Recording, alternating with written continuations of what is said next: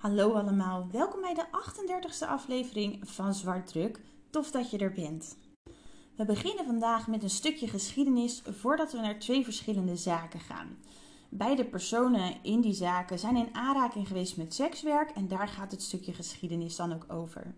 Ja, en daarover gesproken, we hebben met z'n allen besloten dat we de term sekswerk gebruiken in plaats van andere benamingen. Dat doen we nog niet heel lang en in dit verhaal gaan we stukjes terug in de tijd en kan ik het dus niet altijd voorkomen dat er nog andere termen in voorkomen. Maar mogelijk pas ik het aan, dan weet je het in ieder geval. Dat is dus niet uit persoonlijk standpunt dat ik vind dat we er iets anders voor moeten gebruiken of zo. Maar goed, hier komt je geschiedenisles. Heel de wereld heeft ups en downs gekend als het gaat om het omgaan met sekswerk ook Nederland. En dat is een reuze interessant verhaal, of tijdlijn eigenlijk. En ik ga jullie daar globaal in meenemen, want ik denk dat ik het zo ongeveer goed op een rijtje heb gezet. En we beginnen dan met de Romeinen. In de tijd van de Romeinen vonden we het in Europa super normaal dat er aan sekswerk gedaan werd. Toen kwam de opkomst van het christendom en toen vonden we het minder, want daar mag je bepaalde dingen voor het huwelijk niet doen. Maar niet ieder land vond het heel erg nodig om de burger daarvan te overtuigen. Zo zijn er verhalen over vrouwenkloosters die als bordeel fungeerden en werden vrouwen ook verhandeld met als einddoel sekswerk. Dus enerzijds was daar het christendom die zei nope. En anderzijds was men juist ook geleerd dat natuurlijke zaken helemaal niet schandelijk waren. En als we dan naar Europa kijken in de hoge en late middeleeuwen, dan zit je zo tussen de 1000 en 1500 jaar na Christus, dan was de kerk het absoluut nog steeds niet eens met sekswerk, maar ze sloten zich wel aan bij de woorden van Thomas Aquino. Dat was een filosoof en zijn quote is: Neem de hoeren weg en je zult diezelfde wereld verzadigen met sodomie. En onder sodomie verstaan we alle sexy dingen die je doet die niet in het teken van voortplanting staan. Vanaf de 11e eeuw tot en met de 15e eeuw komen er dan ook steeds meer zogenoemde vrouwenhuizen in Europa. En vooral Duitsland die liep hierin voorop. En vanaf de 11e eeuw zijn er ook behoorlijk wat Europese landen die sekswerk wettelijk vastleggen en reguleren. Maar aan het einde van de 15e eeuw komt er dan ook weer meer weerstand, omdat het misschien wel wettelijk geregeld was. Maar zowel de kerk als de burger, ja, die vonden er toch wel wat van, die hadden daar een mening over. Dan komen we vanzelf aan in de 16e eeuw en dan maakt syphilis zijn entree. Of dan werd het een diagnose, want waarschijnlijk was het er al eerder. En dat is natuurlijk en heel vervelend voor je lichaam, maar het werd toen ook nog gezien als straf van God voor goddeloos gedrag. Veel landen trokken hun keutel qua wetgeving toch weer in en er ontstonden zelfs straffen voor sekswerkers. Dat was niet altijd even streng en vaak viel, er wel iemand om te kopen en de straffen waren ook niet heel indrukwekkend, maar het maakte er wel weer meer een taboe van, wat er weer voor zorgde dat sekswerk wat meer in het geheim werd uitgevoerd. Vanaf de 17e eeuw gaat heel Europa anders om met sekswerk en sekswerkers. Dus in ieder land geldt er weer wat anders. Duitsland, die eerst juist heel erg voorop liep met alles, die bleef heel erg streng in het actief bestrijden van sekswerkers. Maar Nederland, die leek het wat meer te gaan gedogen. Want in de 17e en de 18e eeuw, ja, toen vond onze regering het eigenlijk allemaal wel helemaal prima. En er ontstonden toen wel zo'n beetje wat regels met betrekking tot medische keuringen en zo, om in ieder geval syphilis buiten de deur te houden.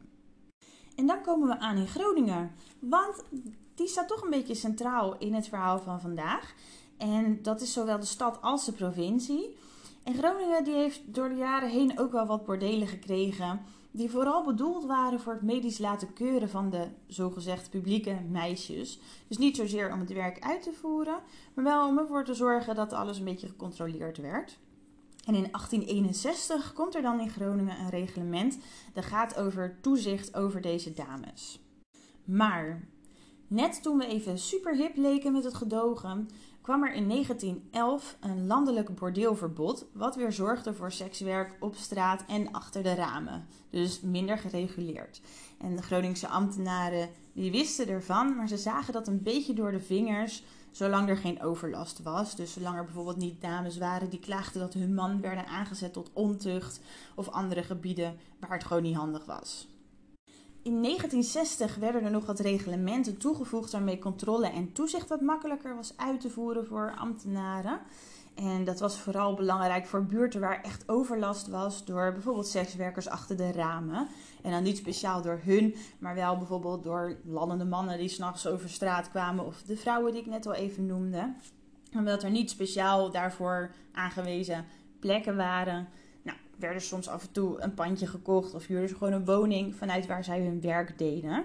En Groningen die was daar best oké mee, zolang er geen overlast was. Waren ze niet zo streng. En zo kwam het dat er rond 1973 94 zogenoemde prostitutiepanden waren in alleen al de binnenstad van Groningen. En de gemeente die besluit zich niet druk te maken over bestaande panden waar geen overlast is. Maar ze besluiten wel dat ze ervoor gaan zorgen dat dit zich niet uitbreidt. Dat duurt tot 1981, want dan besluit de gemeente zich wel in te gaan zetten voor het terugdringen van het aantal prostitutiepanden. En ondanks dat er een heel beleid was voor opvang van mensen, bla bla, bleek achteraf dat de gemeente gewoon zo'n 24 panden voor een habbekrats had opgekocht en vervolgens had uh, neergemaaid. Probleem opgelost, ongeacht waar de mensen moesten blijven die daar werkten. In 1983 is raamprostitutie alleen nog toegestaan in een paar daarvoor aangewezen panden. En alle andere panden waar dat nog werd gedaan, die werden geacht voor 1 september 1983 leeg te zijn. Ja, en wat gebeurt er als mensen hun beroep niet meer binnenuit kunnen oefenen, maar wel graag een boterham willen eten? Ja, dan gaan ze dat buiten doen. Dat is natuurlijk niet echt een verrassing. En zo geschiedde ook, want in de jaren 90 wordt de overlast op straat toch wel groter. In bepaalde straten is er veel parkeerdrukte, verkeersproblematiek en iets minder diplomatiek omschreven last van schreeuwende hoeren. En daar wordt dan de zogenaamde tippelzone voor bedacht. De tippelzone die vandaag aan bod komt is er eentje in de Bornholmstraat. Dat is een tippelzone die ligt daar op een industriegebied zo'n 3,5 kilometer bij het stadscentrum vandaan. Het is een rijbaan van ongeveer 100 meter en daarlangs zitten dan drie ja, soort van bushaltes om in te schuilen of even te zitten. En die baan is ook afgeschermd met een soort van schutje. Dus van dichtbij zie je wie er staat als je er langs rijdt. En dat is ook een beetje de bedoeling wel. Maar als je er niet echt op let en je rijdt langs, dan zie je het niet. Daarnaast waren er ook 13 afwerkplaatsen. Dat is ook gewoon echt de term hiervoor. En door kon je dan parkeren en je ding doen zonder dat Jan en Alleman langs liep. En zonder dat je dus file veroorzaakte in een straatje in de binnenstad. En daarbij was natuurlijk een pluspunt dat ambtenaren gewoon makkelijker toezicht konden houden. Omdat alles een beetje geconcentreerd was op die zone. Pas in 2000 werden alle verboden rondom sekswerk, het wel of niet mogen doen van sekswerk, werden die pas afgeschaft. En qua plek waren er natuurlijk wel gewoon regels, maar die tippelzone dat was een plek waar het gedoogd werd. En dat was ook een vindplek voor hulpverleners. En zo wordt het ook benut. Ik vind persoonlijk dat degene die dit bedacht heeft echt een lintje verdient. Want wat er dus nog meer rondom die tippelzone geregeld is, is dat er een soort van huiskamer is. Daar kunnen de sekswerkers even zitten. Ze kunnen kletsen met anderen, douchen, plassen, eten. Maar ook komt men daar terecht voor voorbehoedsmiddelen, medische hulp zoals de verslavingszorg, spuitomruil. En er kwam ook een ruimte voor gebruik van harddrugs. Dus ondanks dat het misschien niet allemaal gedrag is hè, wat daar gebeurde, wat je moet aansporen. Ik bedoel, spuitomruil, ja, beter als je geen drugs gebruikt. Maar werd er wel voor zo'n veilig mogelijke ruimte gezorgd. Want ja, ik hoop dat ik nu niet te kort door de bocht ben, maar de meeste sekswerkers doen het werk of omdat ze dat willen, of omdat ze niet anders kunnen. En in beide gevallen is het volgens mij gewoon fijn als er dan dit soort faciliteiten worden geregeld. Wilde je nou op zo'n tippelzone werken, dan had je een pasje van intake nodig. Had je die, dan mocht je niet meer buiten de tippelzone werken. Dan kon je een boete krijgen. Had je het pasje niet, dan mocht je sowieso niet als sekswerker aan de slag. Want als je dan werd aangetroffen door een agent of BOA, dan kreeg je gewoon een boete. Die zone was open van 7 uur s avonds tot 2 uur s'nachts. Al werd dat later tot 1 uur s'nachts. Nou, en dan heb ik nog even wat cijfers voor je. Er werd best wel wat gebruik gemaakt van deze tippelzone. In 2015 waren dat zo'n 68 sekswerkers. En dat waren er ongeveer tussen de 10 en 20 per dag. En helaas was 70 tot 80 procent van hen dan weer verslaafd. Ja, eerlijk is eerlijk. Als je weet dat iets toch gebeurt, is dit gewoon een slimme zet om dat zo in de gaten te houden. Eh, de mensen die bij die tippelzone kwamen, die kenden elkaar ook wel, want die kwamen elkaar regelmatig tegen. En een andere bekende daar was Gonnie. En Gonnie is veruit mijn meest favoriete persoon in dit verhaal. Gonnie Lemkert is een dame die zelf ooit twee jaar sekswerk heeft gedaan omdat het niet anders kon. Ze had zes kinderen, een man die niet kon werken en ze had een baan in de schoonmaak, maar daarmee redde ze het niet. Zij deed dan even s ochtends en s avonds een pilletje zodat ze gewoon door kon en daarmee was ze dus helaas wel ook verslaafd. En met alle kennis en ervaring die zij zelf heeft, richtte zij Stichting Straatmadelief op. En daarmee wordt zij belangenbehartiger van de sekswerkers bij de Tippelzone op de Bornholmstraat. Gonnie was zo'n drie keer per week op de Tippelzone te vinden. Ze werd daar oma genoemd en meegevraagd naar het ziekenhuis voor een bevalling of soms voor een begrafenis. En ze was 24 uur per dag bereikbaar voor de meiden, zoals ze het zelf noemt. Dat kon gaan over familieproblemen, dan kon je er bellen. Maar ook als iemand bijvoorbeeld s'nachts ergens door een klant was afgezet en ze wist niet hoe ze terug moest komen, kon je gewoon niet ook bellen. Nou, ze gaf af en toe een barbecue bij haar thuis voor alle meiden. En als zij op de zone zelf kwam, dan nam ze soms een maaltijd mee en soms fruit. Gonnie regelde de kerstpakketten. En als er een probleem leek te ontstaan met een van de bedrijven op dat nabijgelegen industriegebied, dan was daar Gonnie om namens ja, de mensen van de tippelzone te spreken. Ik vertelde al dat Gonnie zelf ervaringsdeskundige is. En samen met haar man en achter de schermen, geloof ik, nog twee bestuursleden, wilde ze alles voor de zone regelen wat ze zelf miste. En dat was voornamelijk een arm om haar heen. Nou, en dan weet je dik ik gelijk wel wat voor persoon Gonnie is. Dit zijn gewoon al hele warme uitspraken. Gonnie is dan ook echt close met de meeste sekswerkers op de tippelzone. Zij doet alles voor hen en andersom doen zij ook een hoop voor Gonnie. Als er bijvoorbeeld zo'n barbecue is en er ligt gewoon ergens geld op tafel voor het grijpen, dan is dat van haar nog niet gestolen. En dat is best een mooi teken, want het zijn veel mensen die verslaafd zijn, hè? dat hebben we net vastgesteld. En dan doe je natuurlijk een hele hoop voor je je pilletje of voor je shot. Dus dat is eigenlijk wel heel bijzonder. Dat is echt een vertrouwensband, bouwden zij op met, uh, met deze dames. En Gonnie, ze doet nog zoveel meer. Het is echt ongelooflijk, deze vrouw. Ja, dus dat lijkt geregeld te zijn, in ieder geval voor de Bornholmstraat. Maar sinds 1993 zijn er nog heel andere problemen gaande in Groningen. Er is namelijk een hele reeks met moorden en verdwijningen in de omgeving. En ik neem je eventjes mee in een greep uit die bak. In 1993 wordt het lichaam van de 23-jarige Roemeense sekswerker Michelle Vatol gevonden. Dan is daar in 1995 Harry Rowe. Dat is een man met twee coffeeshops. Eh, die zit in de hashhandel en heeft ook een wietkwekerij.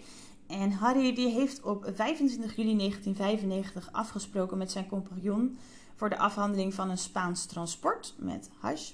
Op 26 juli ontvangt de vriendin van Harry telefoon dat Harry gekidnapt is en dat zij moet betalen. Dat kon zijn 1 miljoen gulden of een aantal kilo hash. Nou, de vriendin die betaalde eerst niet, dat wilde ze ook niet, maar op een gegeven moment is ze bang dat zij en haar kind ook betrokken worden en misschien gekidnapt. En ze betaalt de vermeende kidnapper die de compagnon van Harry blijkt te zijn. En dat doet zij op 3 augustus. En het concept van een kidnapping is een beetje dat als iemand dan betaalt, dat de gekidnapte persoon weer vrijkomt. Maar als Harry op 23 augustus nog steeds niet terecht is, dan stapt zijn vriendin naar de politie om hem als vermist op te geven. En precies op die dag heeft de Duitse politie, die op 4 augustus melding kreeg van een vreemde tas in het water, de overblijfselen van Harry geïdentificeerd. Hij is eerst mishandeld met een soort van stalen buis. Hij is dan neergeschoten en in stukken gehakt. Zijn hoofd wordt van zijn lichaam afgehaald en zijn handen worden afgehakt. En zijn lichaam wordt, zoals dan beschreven is, verdeeld in zakken die verzwaard zijn en die daarna in het water worden gedumpt. Niet heel veel later bekennen de compagnon van Harry en een van zijn handlangers de moord. Ja, reden, de afhandeling van dat transport was niet zo lekker gegaan.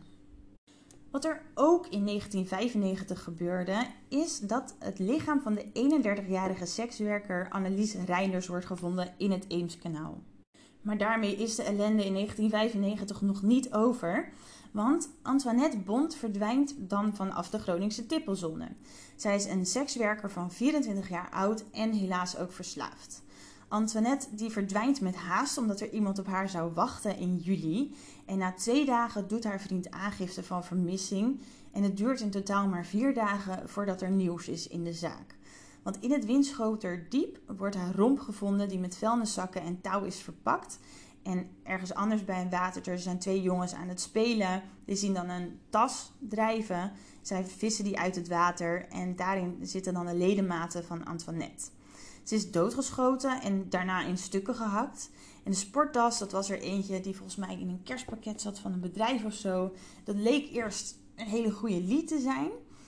Maar dat bleek het uiteindelijk niet. De moord is niet opgelost. Er zijn wel DNA-profielen, dus hopelijk komt er een dag dat dit raadsel toch nog wordt opgelost en haar familie antwoorden krijgt. Het hoofd van Antoinette, die is ook niet gevonden. En we zijn nog steeds in 1995 als de 85-jarige Anne Hemenga in haar bed ligt. En dat is jawel, en te schattig. Het is een bedsteen. Anne is alleen, haar partner is overleden, dus zij is weduwe. Ze hoort erg slecht en ze hoort daarom ook niet dat er iemand, toch niet echt heel erg zachtjes, in haar huis inbreekt. Rond een uur of tien s'avonds wordt zij in haar bed aangevallen en de volgende ochtend wordt zij zwaar gewond ontdekt door haar schoondochter. Anna die is in een coma en ze overlijdt na ongeveer twee maanden. Er wordt eigenlijk bijna niets gestolen. Er was één kettingje weg en die was niet heel veel waard. Maar bijvoorbeeld al het contant geld ligt nog in huis. En na jaren blijkt het niet een roofoverval geweest te zijn, maar een aanval met seksueel motief. Helaas wel eentje zonder oplossing. Dan hebben we de laatste van 1995. Dat bleek een, uh, moordjaar te zijn. Want Carl Boldewijn, een meneer van 41 jaar, die wordt dood aangetroffen. Hij ligt in zijn huis en hij ligt daar op de grond met zijn handen achter zijn rug vastgebonden. Hij lijkt mishandeld te zijn en hij is in zijn eigen spuug gestikt. Een sluitend scenario is er niet echt, want het is niet opgelost. Maar Carl had mogelijk iets te maken met drugshandel of misschien was het een overval goes wrong. In 1997 wordt het lichaam van Shirley Hereneigers gevonden. Dat is een 19-jarige sekswerker. In 1997 dan wordt ook het lichaam van de 19-jarige studente Anne de Ruiter de Wild gevonden. Dat is heel vlakbij waar het lichaam van Shirley eerder gevonden werd. Anne is gewurgd. Ze was een studente sociologie en dochter van een advocaat die destijds samen met een groep vrienden een groep heeft opgericht die heeft afgedwongen dat er beter onderzoek gedaan zou worden. Henk S., een nog steeds onhandelbare junk die twee jaar eerder al een moord had gepleegd, die is hiervan beschuldigd en zijn TBS is vorig jaar nogmaals verlengd. Op 7 februari 1998 wordt Jolanda Meijer al een tijdje niet meer gezien. En als ze niks laat horen op de verjaardag van een van haar kinderen, wordt ze als vermist opgegeven. In 1998 komt er een tip binnen waarin wordt gezegd dat Jolanda in juni dit jaar nog is gezien. Die tip komt van een collega van de tippelzone die vertelde dat zij mishandeld werd in een steeg en dat Jolanda daarbij was. En in januari 1999 gooit iemand het paspoort van Jolanda door de bus bij het politiebureau. En dat leek heel eventjes hoopgevend en misschien wel een lied.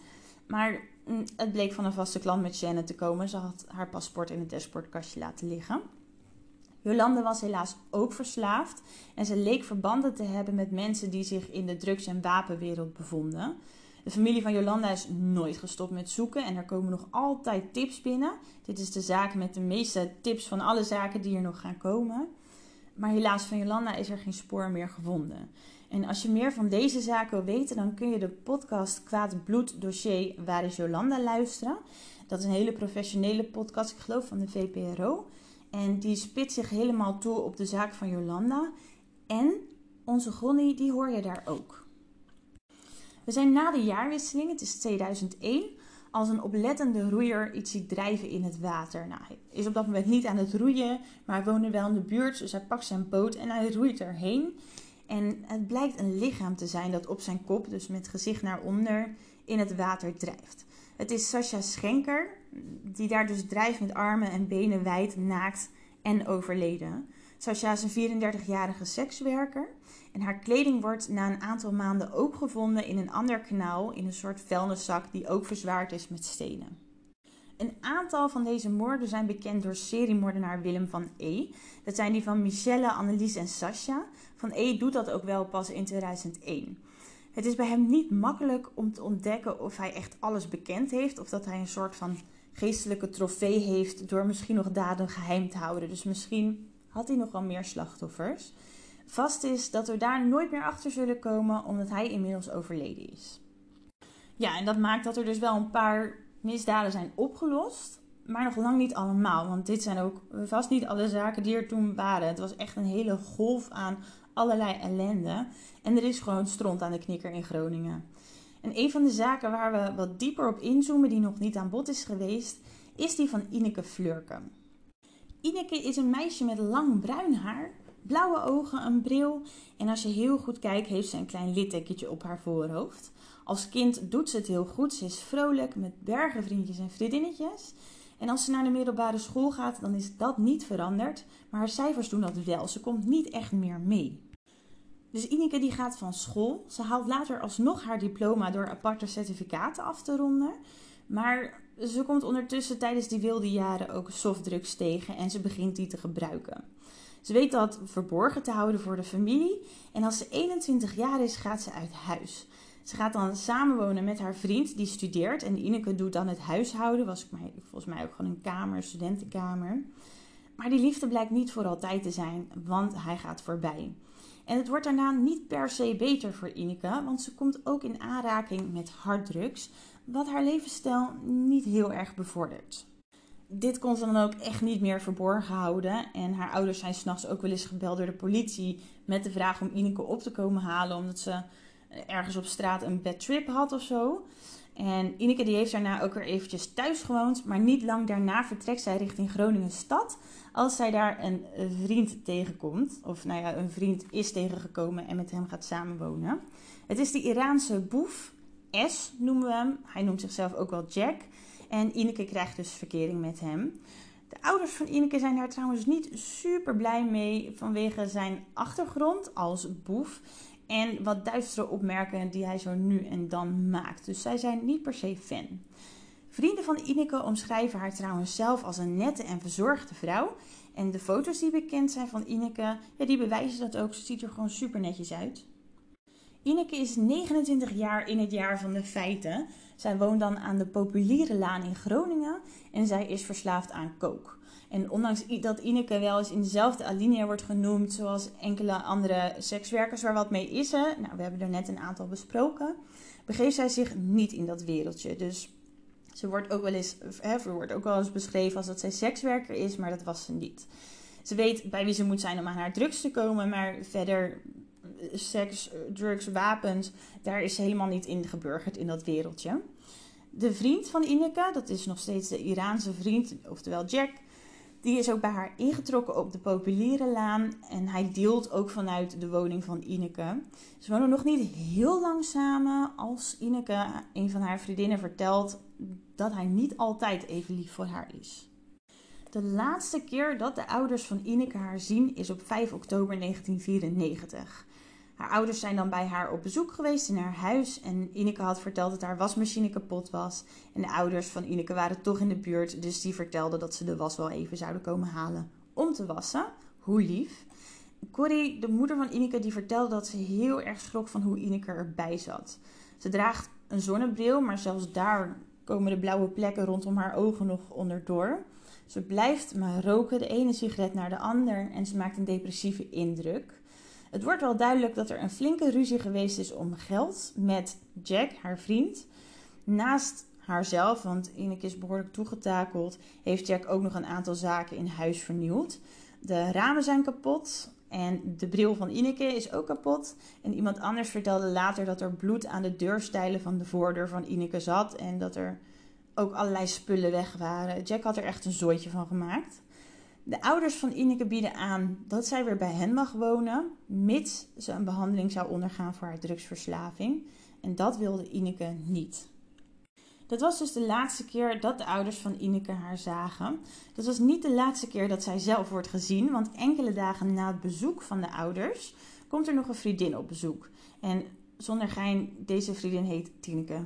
Ineke en Tineke, I love it. Tineke die vond dat Ineke er ook heel slecht uitzag. Ziek door drugs of misschien gebrek aan drugs, want geen geld. En nog steeds heel erg depressief. En na die dagen wilde Ineke zelf ook niemand meer zien. Dus Tineke is ook echt de laatste die haar gezien heeft. Ineke zat wel eens vaker in een depressieve periode waarin ze gewoon geen zin had in andere mensen. En de politie wordt dus ook nog niet meteen ingeschakeld, want dit gebeurde wel vaker. Als Ineke dan echt niet meer gezien wordt voor een langere tijd, dan geven de ouders van Ineke haar als vermist op bij de politie op 14 oktober 1994. Dat doen zij als ze naar het huis van Ineke zijn gegaan, waar Jack kennelijk ook eventjes niet was na de ruzie.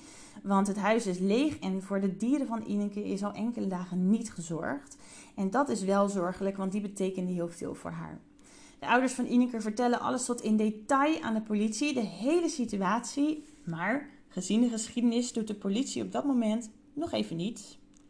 In 1994 dus als vermist opgegeven. En na een poosje gaan de ouders van Ineke, die haar nog steeds enorm missen en haar heel graag terug willen zien, gaan opnieuw naar de politie. En zij krijgen daar te horen dat er geen actief dossier is. Eh, wat? Dachten ze, hoe kan dit?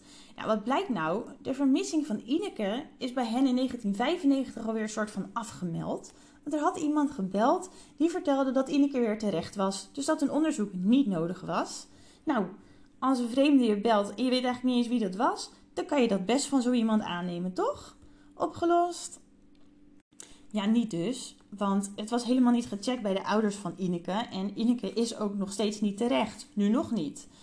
Opnieuw doen zij het zorgwekkende verhaal uit de doeken. En ondanks dat we echt al een paar jaar verder zijn, gebeurt er nog steeds niks aan de kant van de politie. Als er dan even later een cold case team wordt opgericht in Groningen, melden de ouders van Ineke zich opnieuw, want ze denken we gaan het daar eens proberen. En een aantal leden van het cold case team die horen het verhaal aan en ze gaan eens kijken in alle boekjes. En ondanks alle zorgwekkende aspecten aan het verhaal die zij nu voor de derde keer vertellen, stond er van de eerste twee keer dus helemaal niets op papier. Dus er was, ondanks hun moeite en hun weer het verhaal doen, er was niet eens iets genoteerd. Gelukkig zitten er in dat cold case team mensen die het wel snappen. En zij gaan dan ook aan de slag met de vermissing van Ineke. Ze beginnen door familie en vrienden van Ineke te verhoren. En daaruit komt de informatie dat de vriend van Ineke, Jack, haar niet goed behandelde. Zeker gezien de staat van het huis op dat moment, dat helemaal nou, aan het diggelen was. Eh, geen raam meer hiel. Is hij een plausibele mogelijke verdachte. In tegenstelling tot hun collega's neemt het cold case team eventjes de moeite om de echte naam van Jack door het systeem te halen. En in dat systeem komt hij al naar boven. Hij is al bekend. Hij heeft namelijk een liftende student ontvoerd door ergens heen te rijden waar zij helemaal niet heen wilde. Zij heeft weten te ontsnappen. Ze heeft zijn kenteken genoteerd en die doorgespeeld aan de politie. Ja, toch een soort van ontvoering. En hij heeft daarvoor ook anderhalf jaar in de cel gezeten. Daarnaast had deze Jack ook banden met iemand die in verband werd gebracht met ook al nou, een uitgebreid crimineel cv. Jack en die vriend waren samen ook betrokken bij een dodelijke steekpartij. En deze vriend werd dan weer in verband gebracht met Jolanda Meijer, waar we het ook over gehad hebben.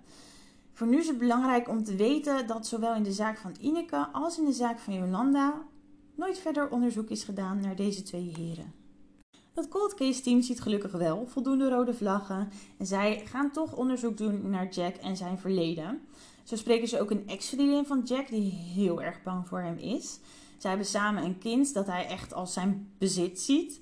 En zij werd mishandeld en gedwongen tot de naarste dingen, zelfs nadat ze uit elkaar waren. En die dame die is eigenlijk zo bang dat ze niet eens een verklaring tegen hem wil afleggen. En dat is natuurlijk heel jammer voor de zaak. Maar voor het cold case team ligt er wel een hele duidelijke schets. Nou, ik hoor je bijna denken: waar wacht je nog op met dat onderzoek? Let's go! Maar twee van de heren van dat cold case team, die een bijzonder belangrijke rol hadden in het onderzoek rondom Ineke, die brachten ook wat stoute dingen naar buiten over wat er bij de politie intern gebeurde. En daardoor werden zij gedwongen om het korps te verlaten. En misschien raad je het al, maar met het rapport dat zij rondom de verdwijning van Ineke hadden opgesteld, daar wordt niets meer mee gedaan. Vijftien jaar na de vermissing van Ineke zou zij herkend zijn in een kerk in Groningen. En dat was het ook, punt. Dit was de tip. Geen verdere info. De dame in kwestie is nooit gevonden, dus we weten niet of ze het wel was en we weten niet of ze het niet was. In 2012 posten enkele ex-agenten uit Groningen een bericht waarmee ze graag nog even benadrukken dat Ineke geen prostituee was. Zo is zij eerder door agenten wel aangemerkt en dat was onterecht. Hadden we het net al over. Ze bevond zich niet in dat wereldje en zij willen dat toch nog even benadrukken. Diezelfde ex-agenten die posten in 2016 een aanvullend bericht waarin staat dat ze hebben gezien dat Ineke op de cold case kalender is komen te staan. En niet als een vermist persoon, maar als een niet opgeloste moord. En waarom dit is, of er dan toch nog leads zijn gekomen, dat is niet duidelijk. Maar fijn is het wel, want het voelt toch een soort als een stapje vooruit, hoe raar het ook klinkt. En natuurlijk is de familie nooit helemaal bovenop de verdwijning van Ineke gekomen. Ja, wat wil je dan? Je weet helemaal niks. Ze kwam echt uit een warm gezin en om zo aan de kant geschoven te worden door de politie, ik vind het onbegrijpelijk. In 2020 geeft een van de broers van Ineke aan dat de familie rust heeft gevonden na het bezoek van een paragnost. Wat daar precies is besproken weten we niet. Hoeven we ook niet te weten, gaat ons niet zoveel aan. Het heeft hun in ieder geval geholpen. Maar ja, op dit moment is Ineke nog altijd niet terecht. En het tipgeld van 15.000 euro is dan ook nog altijd ter beschikking.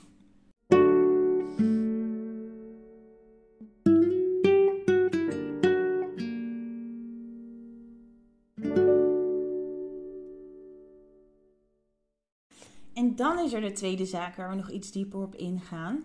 Gaat over iemand met een naam die je ongetwijfeld ook al eens hebt gehoord als je een beetje hebt verdiept in een van welke voorgenoemde Groningse zaken dan ook. En het gaat dan om Marianne Kusters. Marianne is in het jaar van de feiten een dame van 22 jaar en zij is moeder van twee jongens. Ze heeft lang donkerbruinig haar en kenmerkend voor haar was een staart bovenop haar hoofd, hoewel er ook genoeg foto's zijn waarop ze los haar heeft. Ze gaat vaak gekleed in een soort skinny jeans met laarzen met hakken eronder. En ze woont in een caravan. Marianne die schijnt wat psychische uitdagingen te hebben en ze is verslaafd aan drugs. Ze komt daarvoor regelmatig bij een methadonpost. En dat is een plek waar je ja, een soort van op verantwoordelijke manier in goed gedoseerde delen onder toezicht van gespecialiseerde mensen drugs krijgt. Uh, dus nou, een van de betere dingen om je drugs te halen in plaats van ergens op straat, zeg maar. Ja, natuurlijk beter helemaal niet, maar dit was wel even de situatie waar zij in zat. Marianne werkt als sekswerker en ze is daarom ook vaak in de nacht weg van huis. Zij heeft dus naast haar kinderen ook nog andere familie, maar ik kan niet echt vinden met welke frequentie zij elkaar zagen. Op een gegeven moment gaat het verschillende mensen toch wel wat opvallen dat Marianne niet meer aanwezig is. Zo komt ze niet meer opdagen bij die methadonpost. En dat zegt best wel wat als je een drugsverslaving hebt. En ook Gonnie die komt er na wat rondvragen achter dat eigenlijk niemand echt weet waar Marianne is gebleven. En zo komt het dat er op 14 januari 2010 aangifte van vermissing van Marianne wordt gedaan. Er is één bron die zegt dat Marianne vanaf 1 december niet meer gezien is. Dan is er een bron die zegt dat zij vanaf de nacht van 7 op 8 december niet meer gezien is. Maar het feit is dat zij dus op 14 januari al een tijd uitzicht is. Dat ene weekje maakt dan ook niet uit. We waren echt al ruim een maand verder. En wat wel opvallend is, is dat Marianne de laatste tijd een aantal keer is bedreigd. Marianne was namelijk goed bevriend met Jolanda Meijer, de dame waar we het net over hebben gehad. En zij weet natuurlijk ook van haar verdwijning en zij heeft daarover informatie. Zij geeft een tip aan de politie en dat is niet de tip waar ik al over vertelde. Zij geeft haar tip in, hou je vast, 2009. Zij vertelde dat zij iemand verdacht van de moord op Jolanda. Dus niet verdwijning, voor haar was het echt een moord. En het gaat dan om ene Aad K. Dat was een klant van haar, die ook klant van Jolanda was. En hij zou haar verteld hebben over de moord van Jolanda en ook over waar zij begraven was. En dat hij ook foto's had van de plek waar zij begraven was in een bos. Dus nou ja, ik zei het al, maar Marianne die is wel overtuigd van haar dood en ze heeft een plek aangewezen bij de politie waar Jolanda misschien begraven zou kunnen zijn. En die locatie wordt onderzocht, maar daar worden geen leads gevonden. Wat wel zo is, is dat er bij die ATK een huiszoeking is gedaan. En daar werden wel die foto's gevonden van dat bos, van die plek die Marianne beschreven had. ATK die wordt verhoord door de politie, want dit kan bijna geen toeval zijn. Maar hij wordt vrijgelaten en twee dagen nadat hij terug is van zijn aanhouding, is er brand in de caravan van Marianne. Ze krijgt nare telefoontjes en ze is ook nog eens in elkaar geslagen. En heel stiekem wordt er vanuit gegaan dat ATK daar de verantwoordelijke voor was. Maar datzelfde jaar verdwijnt ze dus ook nog. De politie die is niet meteen ondersteboven van bezorgdheid. Want dit gebeurt natuurlijk wel vaker. Sekswerkers hebben niet altijd een regelmatig bestaan. Het is niet ongebruikelijk. Ja, bah, heel bizar. Is volgens mij juist de groep waar je voorzichtig mee moet zijn. Plus, ze heeft je een tip gegeven en is daardoor misschien in gevaar. Dus hoezo help je er niet? Maar ik was er niet bij. Misschien is er een hele goede reden voor. Uiteindelijk komt het onderzoek wel van de grond en er wordt met meerdere mensen gesproken, maar dat leidt niet tot iets doorslaggevends of iets boeiends voor in de zaak. Er wordt serieus ook nooit meer iets vernomen van Marianne. Gonnie vertelt dat er in deze jaren bij haar meiden enorme angst heerst. Ja, de, je vriendinnen en collega's komen niet meer terug. Dat kan iedereen overkomen. Tuurlijk is dat eng. En zij hoort ook geruchten van de straat waarin wordt gesproken over twee Friese mannen en over lichamen die aan varkens gevoerd zouden worden. Zij krijgt dat op een gegeven moment op een briefje toegespeeld. Of dat nou bezorgd was bij haar huis of gewoon gegeven, dat weet ik niet. En als zij daarop doorvraagt, ja, dan is er eigenlijk niemand die haar meer uitleg durft te geven. In 2010 komt er een tip dat Marianne begraven zou liggen op een recreatiegebied in Ilderwolde. En dat wordt onderzocht, die tip, maar dat levert niets op. Dus het lijkt wel alsof mensen iets weten, maar dat niet durven te zeggen. Ondanks dat er bij mij weten niet per se aanwijzingen voor zijn en dat er geen lichaam is, gaat de politie wel uit van een misdrijf. En ja, of dat nu een gelegenheidsmisdrijf was, een vrouwenhater, een van de seriemoordenaars of misschien had het te maken met die tip, we weten het niet. En het tipgeld van 15.000 euro is ook nog altijd in deze zaak niet aangeraakt. Het is dus letterlijk een hele waslijst met namen waarvan sommige zaken wel zijn opgelost, maar veel te veel ook nog niet. En in Groningen was er destijds ook gewoon echt een ontzettend opkomende onderwereld vol met drugs en wapens. Maar ja, we mogen ook die seriemoordenaar van één niet vergeten. En dan had je nog een andere moordenaar in die periode, John Sweeney. En dan waren er ook nog wat andere figuren die op het netvlies van de politie stonden. En dan zou er ook nog een pedonetwerk zijn waar vooral enkele dames meer van zouden weten. En je hebt natuurlijk ook gewoon onbekende gekken in de wereld rondlopen. Het is echt nogal wat. Ik kan wel uren doorgaan over wat zich hier allemaal heeft afgespeeld. Wat er vaak wordt gezegd is dat sekswerkers makkelijke slachtoffers zijn omdat mensen hen niet zo snel kwijt zijn of missen. En ik wil even benadrukken dat dit absoluut niet zo is. We hebben Gonnie die voor de mensen op de tippelzone echt door het vuur ging. En de ouders van Jolanda Meijer die hebben gevochten als leeuwen en doen dat ook nog steeds. Dus dat zij niet gemist zouden worden, I'm gonna call bullshit on that. En dan is er gelukkig ook nog de groep van de vader van Anne die de politie tot de orde weet te roepen en met hun invloed toch nog wel wat actie weten los te krijgen. En er zijn ook een hoop journalisten die nog altijd dicht op de zaken hebben gezeten om er zo voor te zorgen dat er toch in een aantal zaken nog iets gedaan wordt met DNA-sporen. En er zijn ook detectives hoor, van de politie en rechercheurs die hun levenswerk hebben gemaakt van enkele van deze zaken. En dat is fijn. Maar ja, elke zaak verdient op zich een oplossing en daar zijn we op dit moment dus nog niet. Hoe dat met die tippelzone is afgelopen? Ja, die tippelzone die werd gezien als een noodzakelijk kwaad en mensonterend. Daarnaast heeft deze niet geleid tot een forse reductie van de straatprostitutie, al dus het uh, college van BMW. En in 2017 wordt het voorstel gedaan om de zone te sluiten. En in 2019 wordt het ook daadwerkelijk doorgevoerd. Er is dan vanuit de gemeente wel hulp aangeboden voor de sekswerkers die dit nodig hebben. Bijvoorbeeld op medisch gebied, financieel of gewoon het complete pakket als je uit de branche wilde stappen. Daar kreeg je dan een case manager voor. Wel met als nadeel dat als iemand bijvoorbeeld niet kwam opdagen, die geen gebruik zou kunnen maken van al die hulp. Gonnie die is absoluut niet te spreken over de sluiting. Zij zegt dat het enige resultaat dat dit zal hebben, is dat de sekswerkers terug de illegaliteit ingaan en zo uit zicht van hulpverlening blijven. De huiskamer, die is er trouwens nog wel, maar dan op een andere plaats in Groningen. Gonnie en haar man zijn nog even doorgegaan met de stichting Straatmadelief door eten langs te brengen. Maar de toen 79-jarige Gonnie heeft in 2021 de stichting opgeheven omdat zij niet door konden werken vanwege de pandemie en hun gezondheid. Heel bizar om in één aflevering van nog geen uur zoveel zaken te benoemen die voor zoveel mensen het leven totaal op zijn kop hebben gezet en waarschijnlijk ook altijd hebben beheerst. We kunnen alleen maar hopen dat in veel van deze zaken altijd nog een oplossing komt. En ik ga nu even snel wat uh, gezellige Groningse kennissen bellen. Om de Groningse duisternis even uit het hoofd te krijgen.